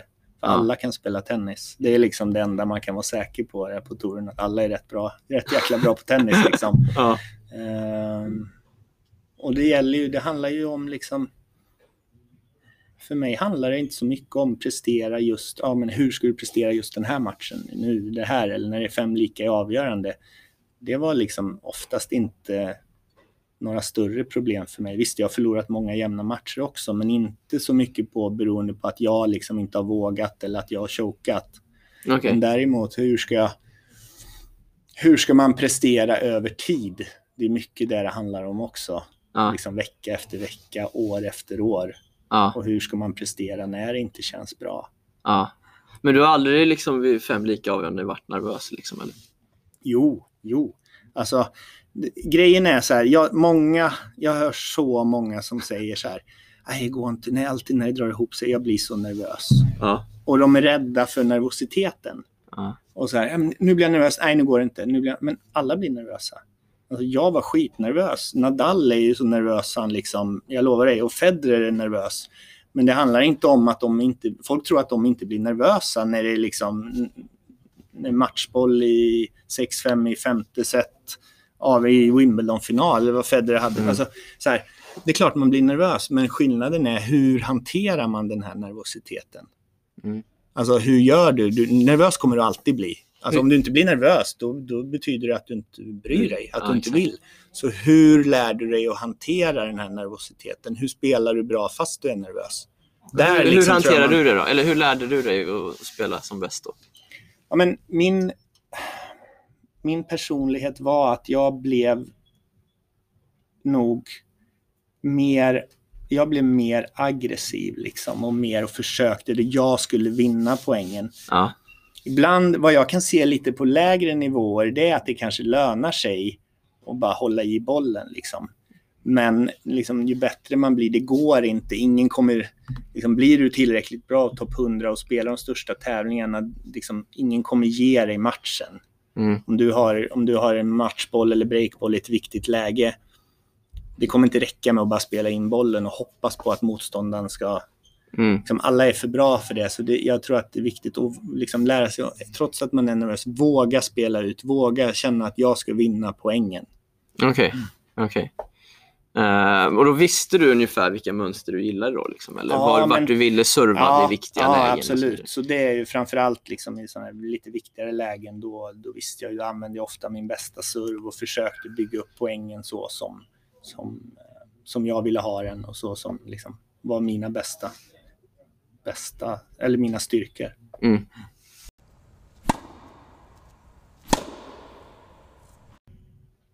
Vi pratade där Robin om eh, din roll eh, som Davis Cup-kapten nu då. Eh, och eh, du har ju hand om många spelare som är just på future-nivån. Eh, varför tror du att många spelare från Sverige idag har haft svårt att ta steget till, till Challenger sen och så vidare? Har du någon generell bild av det? Alltså, det enklaste är ju att säga att de är inte tillräckligt bra. Ja, det kanske är det, Alltså- det, det, korrekta svaret Det också. ju, och det är svårt att säga, alltså, det är nog väldigt olika från person till person, men ehm, Men har du någon bild av Finns- vad som har saknats? Liksom, så här? ja, men, om man tittar vad som saknas i, liksom, jag tänk, i svensk tennis, jag tror att vi börjar vi satsar generellt lite för sent på barn och ungdomar. Börjar liksom, vi plockar inte upp de här talangerna som vill. Liksom det, finns ingen, det finns ingen organisation för det i klubbarna riktigt, utan det blandas så mycket i, i ganska tidig ålder. En, som är, en tjej eller kille som är jätteduktig och har liksom mer ambition med de som bara vill vara där för att det är kul att spela. Liksom. Och det är väldigt olika nivå, man är ganska många på banan. Ofta så sätter man ju de kanske de minst kompetenta tränarna med de yngsta barnen. Mm, I många länder gör man tvärtom. Liksom. mm, mm, Och, och sen ser man ju de som blir lite bättre. Det är ofta de som har föräldrar som är, som är liksom beredda att göra lite extra, spela med dem själva, kanske privatlektioner med tränare. Och det tycker jag är lite synd också. Jag ser min dotter spela ju nu, liksom, hon tycker det är kul att spela ganska mycket. Och de som är de bästa i hennes ålder där, ja men det slår nästan aldrig fel. Det är de vars föräldrar köper privatlektioner för 1000-2000 spänn om dagen, liksom fem dagar i veckan. Ja. Eh, och tittar man nu, vi har ju pratat mycket liksom med de, de andra länderna i Europa. Eh, generellt så börjar vi, vi börjar, vi fångar upp talangerna lite för sent tror jag. Okej. Du menar att de, de som är bra, att man ska lite tidigare liksom sätta dem tillsammans då? Liksom, ja, men det är ganska många år där om du börjar liksom sätta lite resurser på en ja, men redan 8-9-åring jämfört med om du väntar till de är liksom 13-14. Mm. Det är ganska många viktiga Ja, år. Är, ja. Och sen, så här, ja, det har ju varit mycket diskussion, elitsatsning på barn, är bra, dåligt. Vad tänker du? Ja, men, jag vet inte. Det beror nog igen åt vissa barn kanske älskar det och tycker man behöver ju liksom inte jag tror, inte, jag tror aldrig att det funkar att tvinga någon till någonting. Nej. Men det finns ju de talangerna som älskar det liksom. Och det är inte farligt att träna hårt. Nej. Så länge man gör det för att man vill det. Ja. Ehm, jag tror man har blivit lite rädd för det där att liksom, ah, man ska inte träna så mycket och oj, spela tennis varje dag. Ja, men eh, din son eller dotter går väl i skolan varje dag? Ja. Alltså sex, sju timmar i skolan varje dag, det Ja. säger man ingenting om. Nej. Men spelar man en timme tennis varje dag, då är det oj, oj, oj vad de pressar sitt barn. Liksom. Ja, just det. Just det, just det. Så att, Men du menar för att hänga med internationellt så behöver vi Ja, kanske öka på så. lite mer när vi är ja, yngre? men det har ju blivit så. Det, konkurrensen är så tuff och de jobbar mer strukturerat från en tidig ålder i många andra länder. Mm. Mm. det är mycket som jag har förstått också, nu är inte jag superinsats, men liksom är Riksidrottsförbundets rekommendationer, det här Mm. att man liksom man ska inte tävla, man ska inte ha ranking förrän en viss ålder, man ska Mm. inte tävla, helst inte räkna, eh, räkna poäng. Ehm, Vad tänker du kring det? alltså jag tror inte ett skit på det.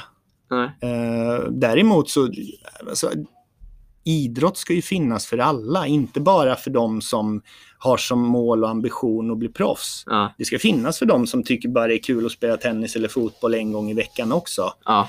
Men jag tror att man måste ha både och. Då har du de här unga tjejerna och killarna som har ett jäkla driv och tycker det är roligt. Ja, men sätt dem tillsammans då. Ja.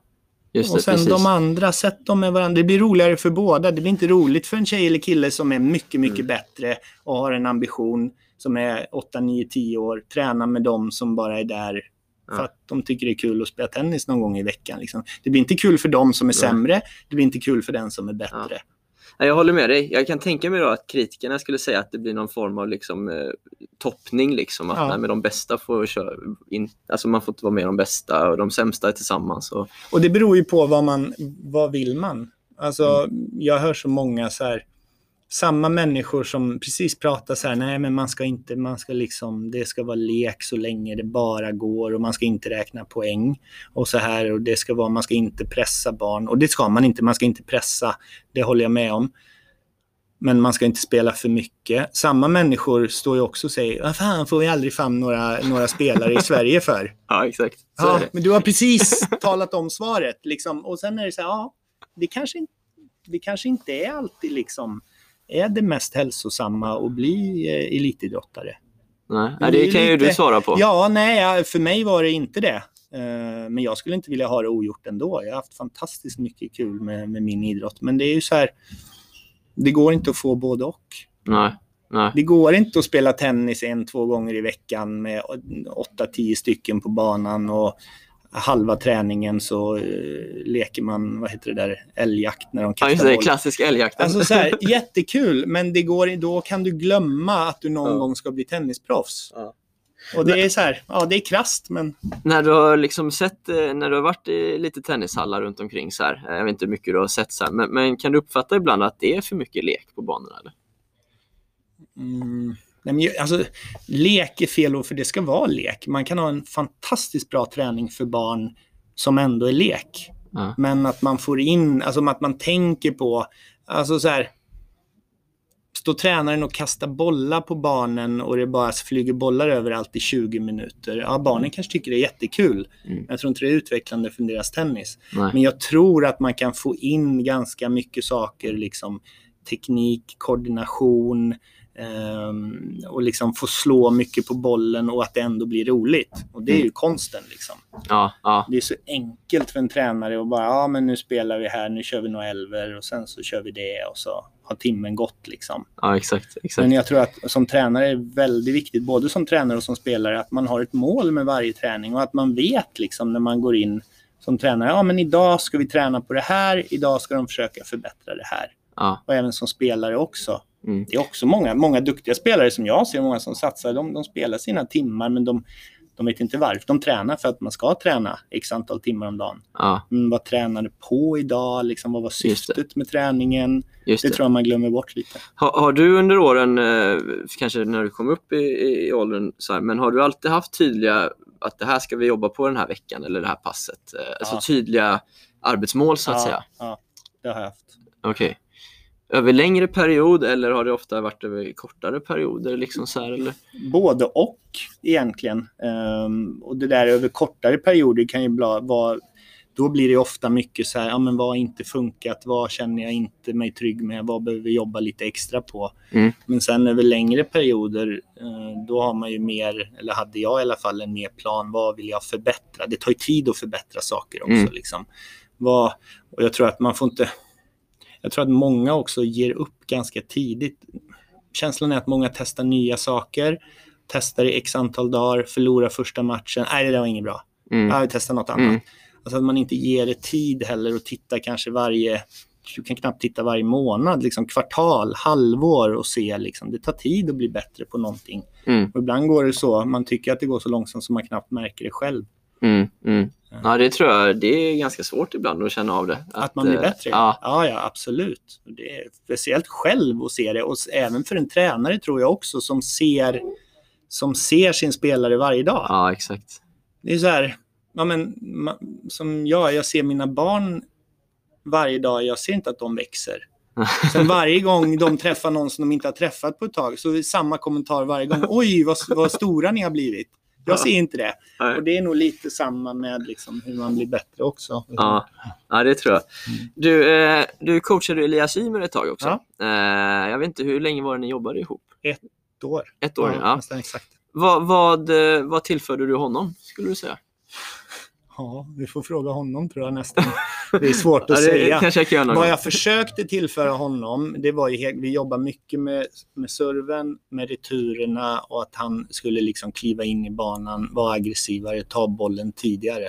Det var Okej. liksom de tre grejerna som Ja. jag kände, Okej. våga spela ut. Och jag tyckte, jag tyckte att han tog, han tog eh, kliv framåt. Jag, eh, jag tyckte att vi hade ett jäkligt bra samarbete. Det var liksom vissa tävlingar som han spelade så, så kände jag fan, han spelar riktigt bra nu alltså. Det här är en bra nivå. Ja. Tyvärr så nu, nu efteråt så här, Elias har fortfarande en väldigt, väldigt hög högsta nivå, kan spela bra. Han har haft lite svårt, dels på grund av skador, absolut, men, men haft lite svårt att hitta den där som jag pratade om, den här jämnheten, att han ändå känner liksom att han är trygg med att han kan vinna runder på Källne, gå till kvarten, semi hela tiden utan att han spelar bra. Mm. Eh, Det är där Elias behöver komma och vi kom lite dit. Han blev, han blev jämnare och jag tyckte han gjorde, han gjorde framsteg. Hur tränade ni för att han skulle bli jämnare på det? Alltså, jag tror bli jämnare på det. Dels handlar det om att höja din högsta nivå. Det är ett. För liksom höjer du din högsta nivå då är det som att lägsta nivån följer Ah, med. den följer med, det går tillsammans. Liksom. Ja, ehm, och sen så är det ju mycket mentalt liksom och att han Elias han är jävla skön på ett sätt för att han Elias är, när han spelar bra, han, kunde, han var otroligt bra på att glömma att han hade spelat dåligt veckan innan. Okej. Det gick så jävla fort liksom. Eh, Mycket bättre än vad jag var. Samtidigt så var det liksom som att sen glömde han också. Det var lite för mycket, i, men han, det var lite för mycket berg och dalbana i hans mentala liksom. Han kunde liksom, nu känns det bra, nu jävlar, nu kommer det alltid kännas så här. Och det, ja, men det där, det var förra veckan, nu, nu skitbra liksom, superpositiv. Men gick det dåligt en vecka, då var det ner i källan liksom. Och så upp och ner i självförtroende. Men var det samma då? Att spela han dåligt en vecka, kunde han glömma att han spelat bra veckan före då? Ja, absolut. Okej. Mm. Okej. Mm. Så att det, var, det blir lite för mycket och någonstans så handlar det ju om att hitta liksom, det är ju så en tenniskarriär, det är ju det är ett jäkla maratonlopp. Ja, ja. Och man måste hitta den här jämnheten och liksom, alltså på något sätt, man får inte bli för, jag kände det som att man får inte bli för liksom, man får inte få för mycket självförtroende när det går bra. ja. Och man får absolut inte gräva ner sig för mycket när det går dåligt liksom. Utan bara hitta det här och vara medveten om det kommer gå upp och ner. ja, Det kommer göra det. Det gör en hel karriär hela tiden. ja, bara liksom acceptera det. Otrolig balans alltså. Ja, det är behövs. skitsvårt. Det- För du, du får inte bli liksom så här. Yes, nu, nu har jag hittat det. Nu kommer det kännas så här för alltid. Ja, Du blir så jäkla besviken när, Ja. det liksom, när du kommer i en sämre period sen. ja, Och tvärtom, det är, liksom, det är så lätt att gräva ner sig och tro att man aldrig kommer komma ur en formsvacka. ja. Eh, så här, det är ju en, liksom, kanske en oschysst fråga att ställa så här, men eh, har du inte varit sugen på att, liksom, att du skulle fortsatt med Elias och sett vad det kunde lett till? För ni hade ändå ett ganska Ja. bra år ihop. Jo, och det var skitkul. Det var, ja, det var riktigt kul att jobba med, jobba med Elias och jag lärde mig jättemycket också. Ja, Ehm, och se liksom matcher och tennisen ut, från ett ut, utåtstående perspektiv. Liksom. Innan hade jag bara stått där på banan själv. Nu var det en helt annan sits. För det var den första spelaren du coachade individuellt Ja, så eller? Ja. Eh, och det, och, men det var liksom egentligen, alltså när vi började, då egentligen hade jag inte så mycket tid. Vi skulle jobba, liksom, jag skulle resa med han tio veckor och köra lite på hemmaplan. Ja, Men det där sprack ju ganska fort. Dels för att jag tyckte att det var så jäkla kul och det man ville liksom. Ja. Så när jag summerar det där det första året, jag hade ju varit borta liksom 30 veckor. Jag hade, hade två små barn hemma. Och så för nästa år var det liksom, mina tankar var att fan det här funkar inte, jag måste dra ner på det. ja, Och Elias var mer på, nej men du måste följa med mer. ja jag förstår. Ja, Och, och det där är, jag förstår det som spelare, man vill ha någon liksom. Man vill ha någon hela tiden. Det är tufft att Ja. liksom hatta och köra några veckor här och sen så ses man inte på några veckor. Och så så jag, jag, jag var ju likadan när jag spelade, men i min situation, det, det, det gick liksom inte att resa 35 veckor om året. Det Nej. var, var helt... det var omöjligt. Ja, det med. omöjligt. Men då, ja, då hade man nog fått offra både familj och allt annat. Det är ju så, det är tufft som tränare. Alltså, jag beundrar dem som, som orkar köra på sådär år ut och år in med spelare och så nya spelare och bara liksom, de reser ju, de, alltså Ja. som Fidde. Ja, han har gjort det ett tag också. Han har ju rest liksom och han, visst, han har sagt några gånger, nej nu räcker det liksom. Men sen, Sen är sen saknar igen. han det. Ja. Och det, är- det är otroligt starkt. Ja. Eh, om man säger så här, eh, eh, vi har ju pratat lite om det här spelare som blir tränare sen eh, och att de kan ge spelaren något som kanske inte en tränare som inte har varit på touren kan Mm. göra. V- vad, vad skulle liksom, vilka är de största lärdomarna som du har fått med dig från dina år på touren som jag liksom inte vet om? Eller förstår du vad jag menar? Att vad, vad kan du lära mig så här, liksom, som inte jag har någon aning om egentligen? Ja, det vet jag inte. Du kan väl... eh, Nej, men... Du kan eh, väl det mesta. Nej, men någonstans, en sak som jag känner som är väldigt bra, det är som jag börjat, jag börjat spela lite mer tennis själv nu, spelat två, tre gånger i veckan liksom och varit med och kört med både Elias, Micke och några andra spelare. Mm. Och jäkla vilken skillnad det är när man själv får stå på banan och känna på det. Det är svårt liksom att se, alltså man ser väldigt mycket utifrån, men man får ytterligare en dimension och ett perspektiv själv när man får vara med och spela. Och framförallt inte bara stå och slå utan kunna spela poäng med dem och game och liksom så här, det ger ytterligare en dimension Okej, med. faktiskt känner jag. Att känna liksom tyngden i bollen. Ja, exakt liksom, sådana saker. Ja. Du ser en sak, men du känner, jag vet inte, på något sätt så känner du liksom så mer, ja men jag slår den där, där, där kommer ofta den, det känns skönt för mig, jag får ett bra läge där. Ja. Mycket känsla så, som är svårt att se. Man Ja. kan se väldigt mycket, men som sagt, det ger en extra dimension. Så då behöver man ha en viss spelstyrka Ja. om man vill jobba med bättre spelare då, tänker jag. Ja, ja, det behöver, men det, det, det hjälper mig mycket i alla fall. Ja, ja. Slår de fortfarande eller? Absolut.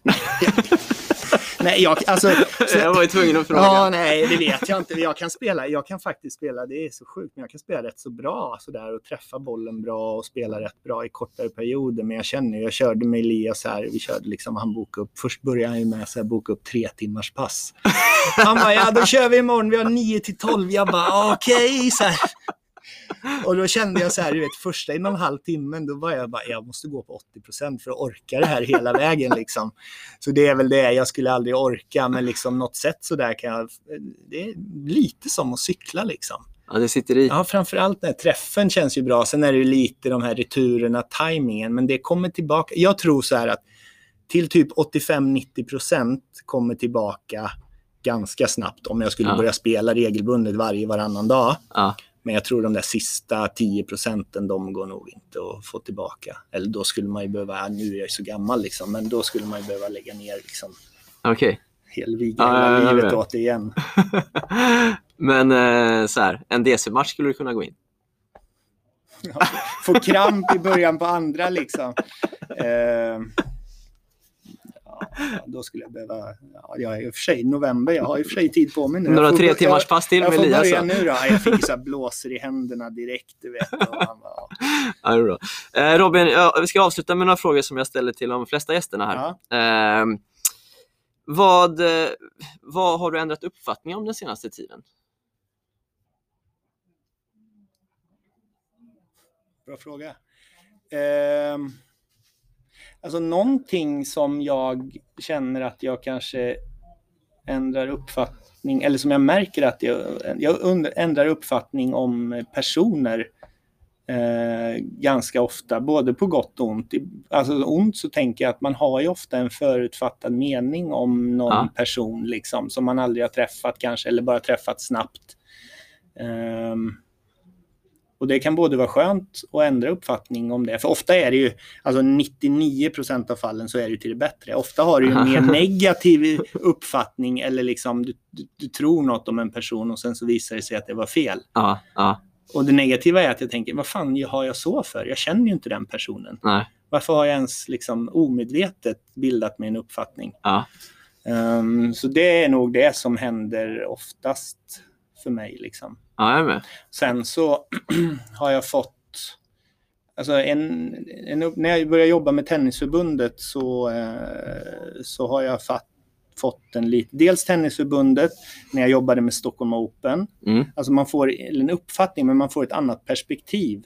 Det är så enkelt som spelare att komma till en tävling och allt som är bra och funkar det tar man för givet. Ja. Det som inte är bra det gnäller man bara på. Ja. Men man ser inte allt jobb som ligger bakom. Nej, Och dels förbundets arbete, så här, visst det finns säkert bitar som Tennisförbundet kan göra bättre, men du vet det är så mycket olika viljor och perspektiv och saker att ta ställning till. ja, Du vet, det är inte bara så här, du vet i början tänkte jag, ja, men så här ska vi göra, det här är den bästa vägen. ja så tänker jag. Ja, men så här, ja, men har du tänkt på att de där och de där och det och det och det som Ja. händer då? Ja. Och det är så jävla lätt utifrån att bara säga så här, ja men så där, varför gör, varför gör man inte bara så? Det är Ja. hur enkelt som helst. Ja, ja. Hur involverad är du liksom i förbundets arbete med ja, framförallt kanske elittennisen? då? Ja, med elittennisen, eh, jo men där är jag ju, där är jag ju, ja, det är väl nästan i princip bara det jag lägger tiden. Jag ska köra lite med liksom, de bästa juniorerna nu, också. Ja, okej. Det har ju varit ett jäkla skitår. Vi har inte kunnat ha alls så mycket liksom, träningar, samlingar, resor till tävlingar som vi har velat. Nej. Eh, det har ju varit tufft. Eh, men eh, jo, men där är jag ganska involverad. Sen är jag inte, vissa bitar är jag inte alls, alls involverad i. Sådär. Men vissa saker faller ju över också. Ja, Det, exakt. automat, det faller över, ja, okej, då får man sätta sig in i det och så, okej. Jaha, nej fan, det var inte så enkelt som jag bara tänkte att det skulle vara liksom. Ja, ja. Eh, ja, min, min nästa fråga var, vilken tycker du är svensk tennis största styrka? Ehm.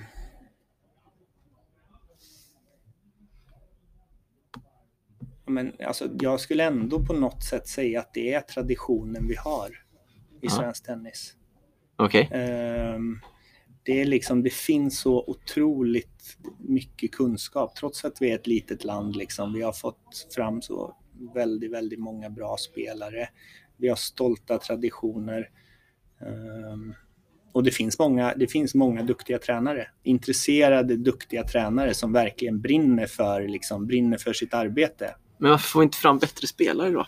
Alltså jag tror att en, ja, tennis, det är svårt att rekrytera de här riktiga talangerna. Du vet Mm. pojkarna och flickorna som liksom är riktiga idrottstalanger. Som du själv?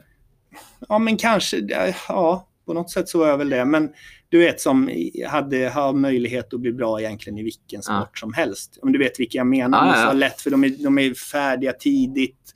Motoriken, man ser, de har någon slags liksom, jag tror att vissa säger att det inte finns något som heter talang.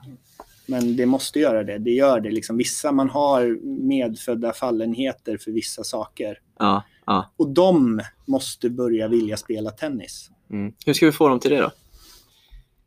tennis är lite svårt märker jag på det sättet för att det är liksom tennis är en sport som det tar ganska lång tid innan det blir roligt. Ja. Det är svår sport. Ja.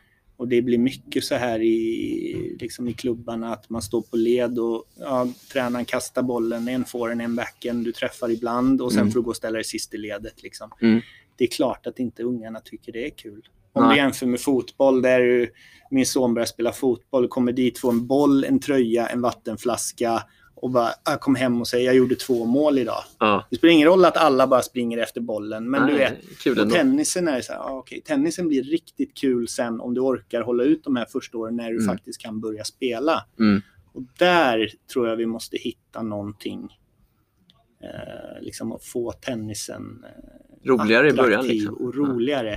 Och sen har det mycket att göra med också en stor del tror jag varför varför vi var så duktiga på 80, 90, 00, alltså under så lång tid. Mm. Tennisen var ju så populär. Vi hade spelare. Det behövs någon spelare eller några som är med och gör resultat och är bland de bästa. Vi är ganska kräsna i Ja, Sverige det också. vi. Ja. Så det är väl nackdelen då, liksom att det, är du inte topp 10 så är, ligger du 20 då, då nej, men det är ingenting. Han blir, det hör man ju, hon kommer aldrig bli Ja. något, han kommer aldrig bli något. Liksom. Man, ja. Men tror du att Mikael kan bli en sån person? Eller? En sån Alltså jag förebild det. som du det måste pratar om? börja skrivas om det i media, folk tittar på det. Då kommer, då kommer kidsen förr eller Ja. senare tycka att det är lite coolt med tennis. Och vilja börja. Och det är så man attraherar eh, Men om vi då tar, om vi, vi tar då liksom som Mikael nu då, Mm. eh, som är topp 100 och, och Rebecca som Mm. är topp 100 också. Mm.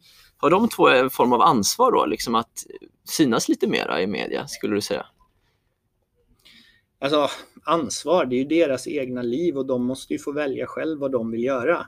Eh, Men jag tror att det skulle vara bra för svensk tennis och bra för dem själva också. Mm. Men jag vet, det där är svårt när man är i sin bubbla liksom. Det var ju bara, jag var så jäkla fokuserad så allt det där andra, det var liksom bara någonting man måste göra. Ja. Igen, perspektiv. Nu sitter jag här utanför och får ett annat perspektiv. Och hade jag gjort om det hade jag gjort många saker, framförallt sådana saker på ett annat sätt. Okej. Men det, det är svårt, men det är otroligt viktigt. Det behövs. Tyvärr är det ju så att som du säger, Micke och Re Rebecca, fantastiska spelare liksom. Men vi är bortskämda i Sverige. Ja, nej, det men måste det är verkligen... vara liksom, ja. du måste spela Grand Slam-finaler för att det ska bli intresse. Ja. Och det tror jag har mycket att göra med att den traditionen vi har. Ja. Så det är både vår styrka och kanske lite svaghet också. Ja. Sen måste man ju vara realistisk. Alltså, vi är ett land med 10 miljoner invånare. Liksom, tennis spelas i princip i alla världens länder. Konkurrensen är tuff. ja, det är svintuff. Det, vi kommer ju aldrig få det som det var förr. Nej, Nej, och det det kommer nog kanske inget land alltså, Nej. någonsin igen få. Inte ens USA eller Spanien exakt. eller några andra länder. Det Liksom. var ju helt sjukt ja, faktiskt. Det var sjukt. Eh, Robin, vad, eh, vad är bortkastad tid enligt dig? Kopplat till tennis, tänker jag. Alltså när man står på banan och bara liksom inte är där. Man är där fysiskt men inte är där 100% mentalt och försöker inte bli bättre. Okej. Man har ingen tanke med träningen och, och sådär. Liksom. Man låter tiden gå. Det ser jag ganska mycket, tyvärr. Okej. Alltså man tränar och springer och är där liksom och gör det man ska och säger ja, men nu har jag kört mina två timmar. Ja. Man har inget syfte med det. Okej. där lilla extra procenten, om man kan lägga in dem liksom mentalt och vara närvarande hela tiden, det gör så otroligt stor skillnad över tid. Ja, ja. Eh, en film eller bok som du har hämtat inspiration ifrån? Läser mycket böcker? Alltså jag har, jag har så mycket böcker som jag inte har hunnit läsa. Jag vet inte varför. Ehm.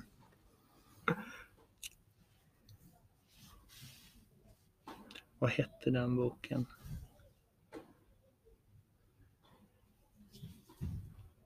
Jag tappar namnet, men jag gillar att läsa mycket biografier. Eh, Jag gillar att läsa böcker där jag känner att jag kan lära mig någonting av. Okej, Liksom en sån här deckare eller någonting, det, ja, det går bort. ja, det Okej. går helt bort. Ja. Men jag vill kunna känna att man kan lära och liksom att man tänker på någonting efter. Men tyvärr, nu var det nog ett Ja, år en sedan. Ett år sedan jag läste en bok. Ja, fan, du skulle sagt det här innan. Då hade jag tagit reda på titeln. Det var, någon, den var på engelska. Ja. The New Earth tror jag den hette. Okej. Ja, The New Earth. Ja, ja, The New Earth eller A New Earth. Någonting. Okej. Ja, Ja, ja, bra. googla. Vi kan googla upp det. Ja. Eh, har du eller har du haft någon förebild som du sett upp till mycket genom åren? Mm. Eh, I tennisen hade jag, jag hade två idoler. Det var Andrew Agassi och Thomas Enqvist. Okej, vad var det hos dem som du... Eh... Men Agassi var ju bara för att han var så jäkla cool med sina pannband och så här. Jag tror alla kids hade väl Agassi som idol. Ja, det kanske var så. Och Enqvist, jag gillade hans spelsätt liksom. Och han såg, han såg så cool ut. Han var stor, stark, slog hårt. Det var liksom så jag ville spela. Ja, det var ju så du spelade sen också. sen faktiskt, sen lärde jag ju känna Tompa och jag måste säga liksom att jag blev så positivt överraskad och glad. För när jag kom in liksom i Davis Cup-laget, fick vara med och träna första gången 16-17 år. Han var så jäkla schysst mot mig och hjälpte mig Ja. så mycket. Och liksom, han var verkligen där och vi blev bra kompisar under karriären också. Ehm, Så det var väldigt kul.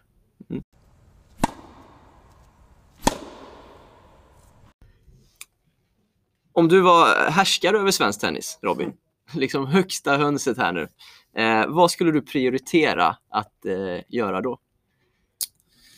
Alltså, fanns det obegränsat med pengar också eller? Ja Fanns men, det liksom... ja, men vi kan leka att det finns obegränsat. Ja, men någon, en sak som jag har tänkt på Mm. en del och som jag skulle vilja ändra på eller försöka få in, det är det här att man ser i klubbar att ja, men, först på, tidigt på, på eftermiddagen då kommer barn och juniorträningen Mm. och sen så är det så jäkla mycket vuxen, vuxen tennis, vuxengrupper. Mm.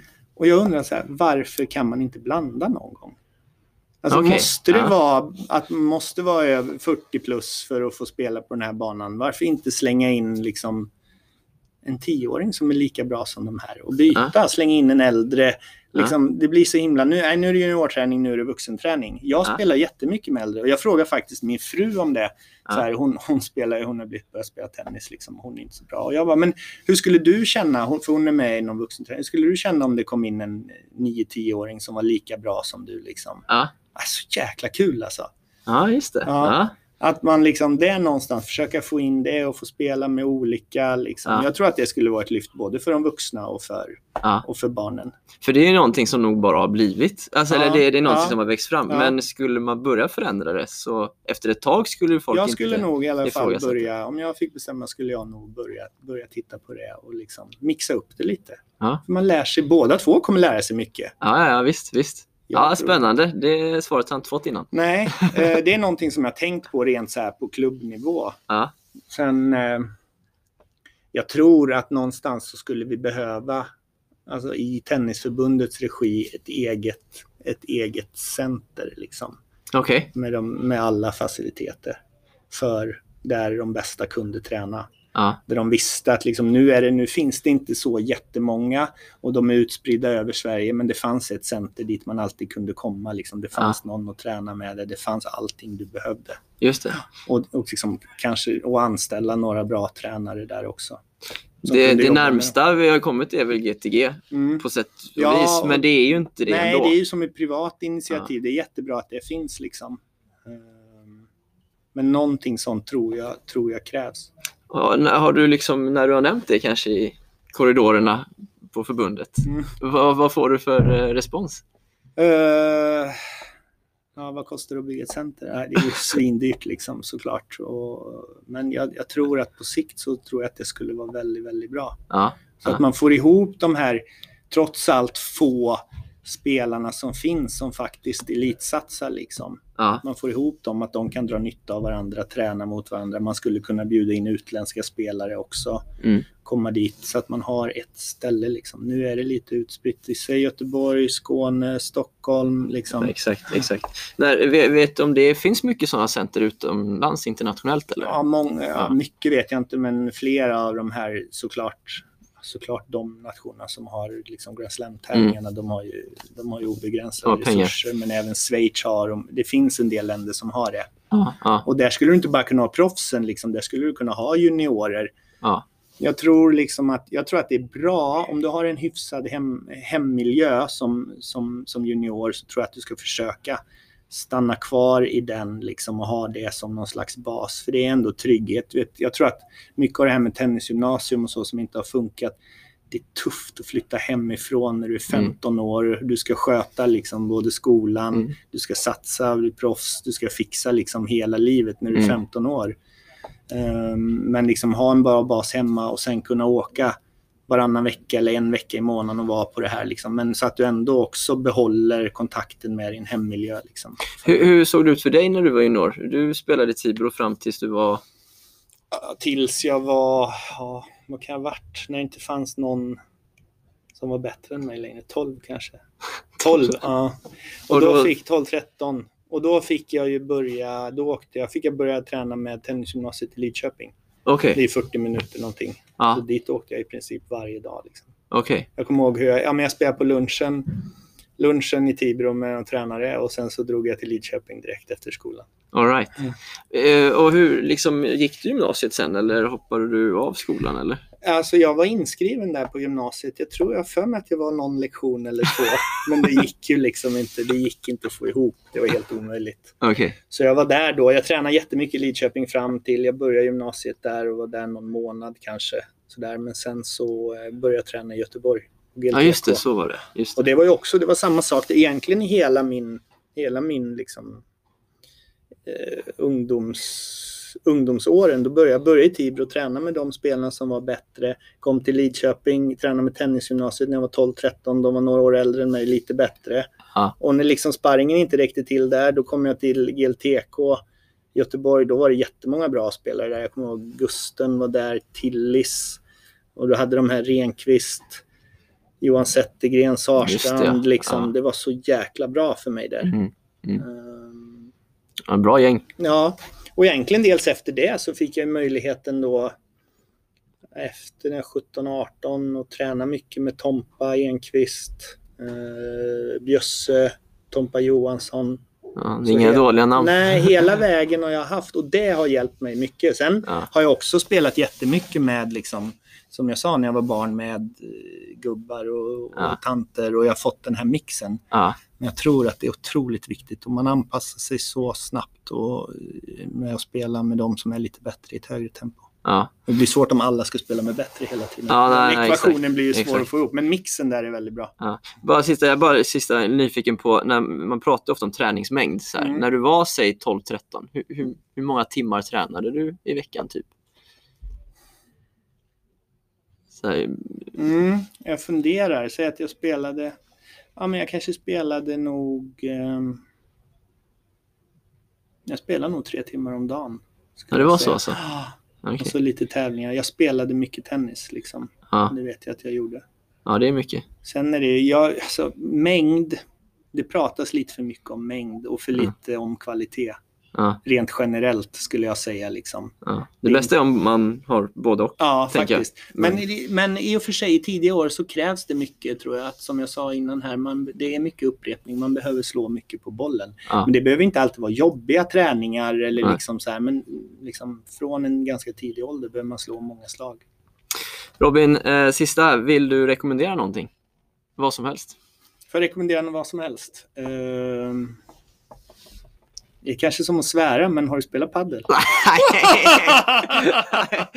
Vad som helst utom det. Det trodde jag aldrig att jag skulle säga. Alltså, det är så sjukt. Jag, jag var ju rätt sen på padel. Alla bara, ja, men jag bara, ja, men det där är ju för dem som Det är som hockey. Innebandy är, det är de som inte kan spela hockey.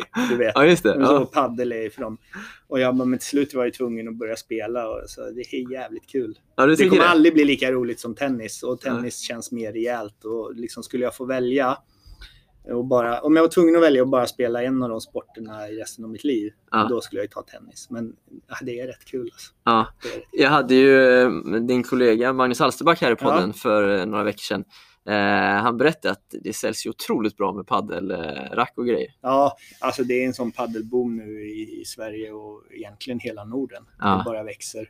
Och många har ju sagt så här, ja men många har varit oroliga att det, det ska ta liksom från tennisen. Det Ja, har det väl till viss del gjort, men vad man hör runt om i hallar och klubbar, liksom folk spelar ju mer tennis än någonsin nu också. Ja. Så att jag tror att på sikt så kommer det faktiskt hjälpa tennisen också. ja du tror det? Ja, och jag är inte så mycket motståndare till att man bygger någon liksom bygger ut tennishallen med någon eller två paddelbanor. Ja. Hellre det än att liksom, här är tennishallen, där borta ligger paddelhallen. Då får man, Mm. Det kommer inte gå att konkurrera så, utan man ska försöka få ihop det. Ja. För jag har ju massa som börjar spela paddel och sen helt plötsligt, så, "Ja, men fan, det var länge sedan jag spelade tennis. Vi, nästa vecka ska vi köra tennis då istället? Vi testar Just det. det. Just det, just det. Men det har ju byggts otroligt mycket paddelbanor. Ja. Men- Samt som det har byggts ganska få tennisbanor, Mm. tänker jag. Mm. Eh, och då säger ändå många klubbar att de har liksom behov av fler. Mm. Eh, det, tänker jag att det är inte synd att det inte byggs några fler Jo, tennisbanor kanske? herregud, det behövs ju. Det är ju banbrist. Liksom. Framförallt i storstäderna så är det ju banbrist. Och jag, det som har hänt med padden är ju att det, det är i princip 100% av alla banor som det är privata initiativ Ja, från exakt. folk som vill tjäna pengar. Liksom. Och ekonomin i paddel är mycket, mycket bättre. Ja, Liksom, du får ju in många fler banor på samma yta. ja, Det är dubbelt så dyrt att boka en timme paddel som, som tennis. just det. Ehm, så att, men nej, det, det är synd. Det, det behövs mer banor. Mer tennisbanor, absolut. Vilket är positivt. Tänk om det varit så att alla hallar stod tomma. Ja, liksom. det är sant. Då hade det varit problem. Ja. Men det hade varit roligt. Ja, Jag tycker inte om som vissa, det tycker jag är tråkigt. Liksom vissa klubbar, att ja, men det är ingen som spelar här. Ja, men vi tog bort en bana och byggde två paddelbanor. Ja, ja det, då blir det negativt till slut Mm, kanske. mm. Eh, ja, vi får väl helt enkelt spela lite padel då kanske. Ja, vi får testa. ja. En gång, någon gång har du testat. Ja, jag har testat. Jag, ty- jag tycker det är kul, men, men jag tycker det är, det är bara kul om alla är ungefär lika bra tycker Ja. jag. Jag har märkt att spelar man med de som är sämre eller för mycket bättre, Ja. då är det inte så kul längre tycker jag. Som så, tennis ungefär. Ja, ja, det är ju kanske samma då. ja, nej, men, det, nej, men det, det är faktiskt kul. När man blir lite bättre så är det roligt. Jag gillar det. Jag tycker det är kul att växla. Men alltså tennis är nummer ett. Men det, Ja. Jag blev positivt överraskad. Ja. Eh, Robin, eh, det har varit superkul att prata med dig. Ja, tack så tack. mycket för att du tog dig tid Ja, att dela var, med dig. Det var roligt att få vara med.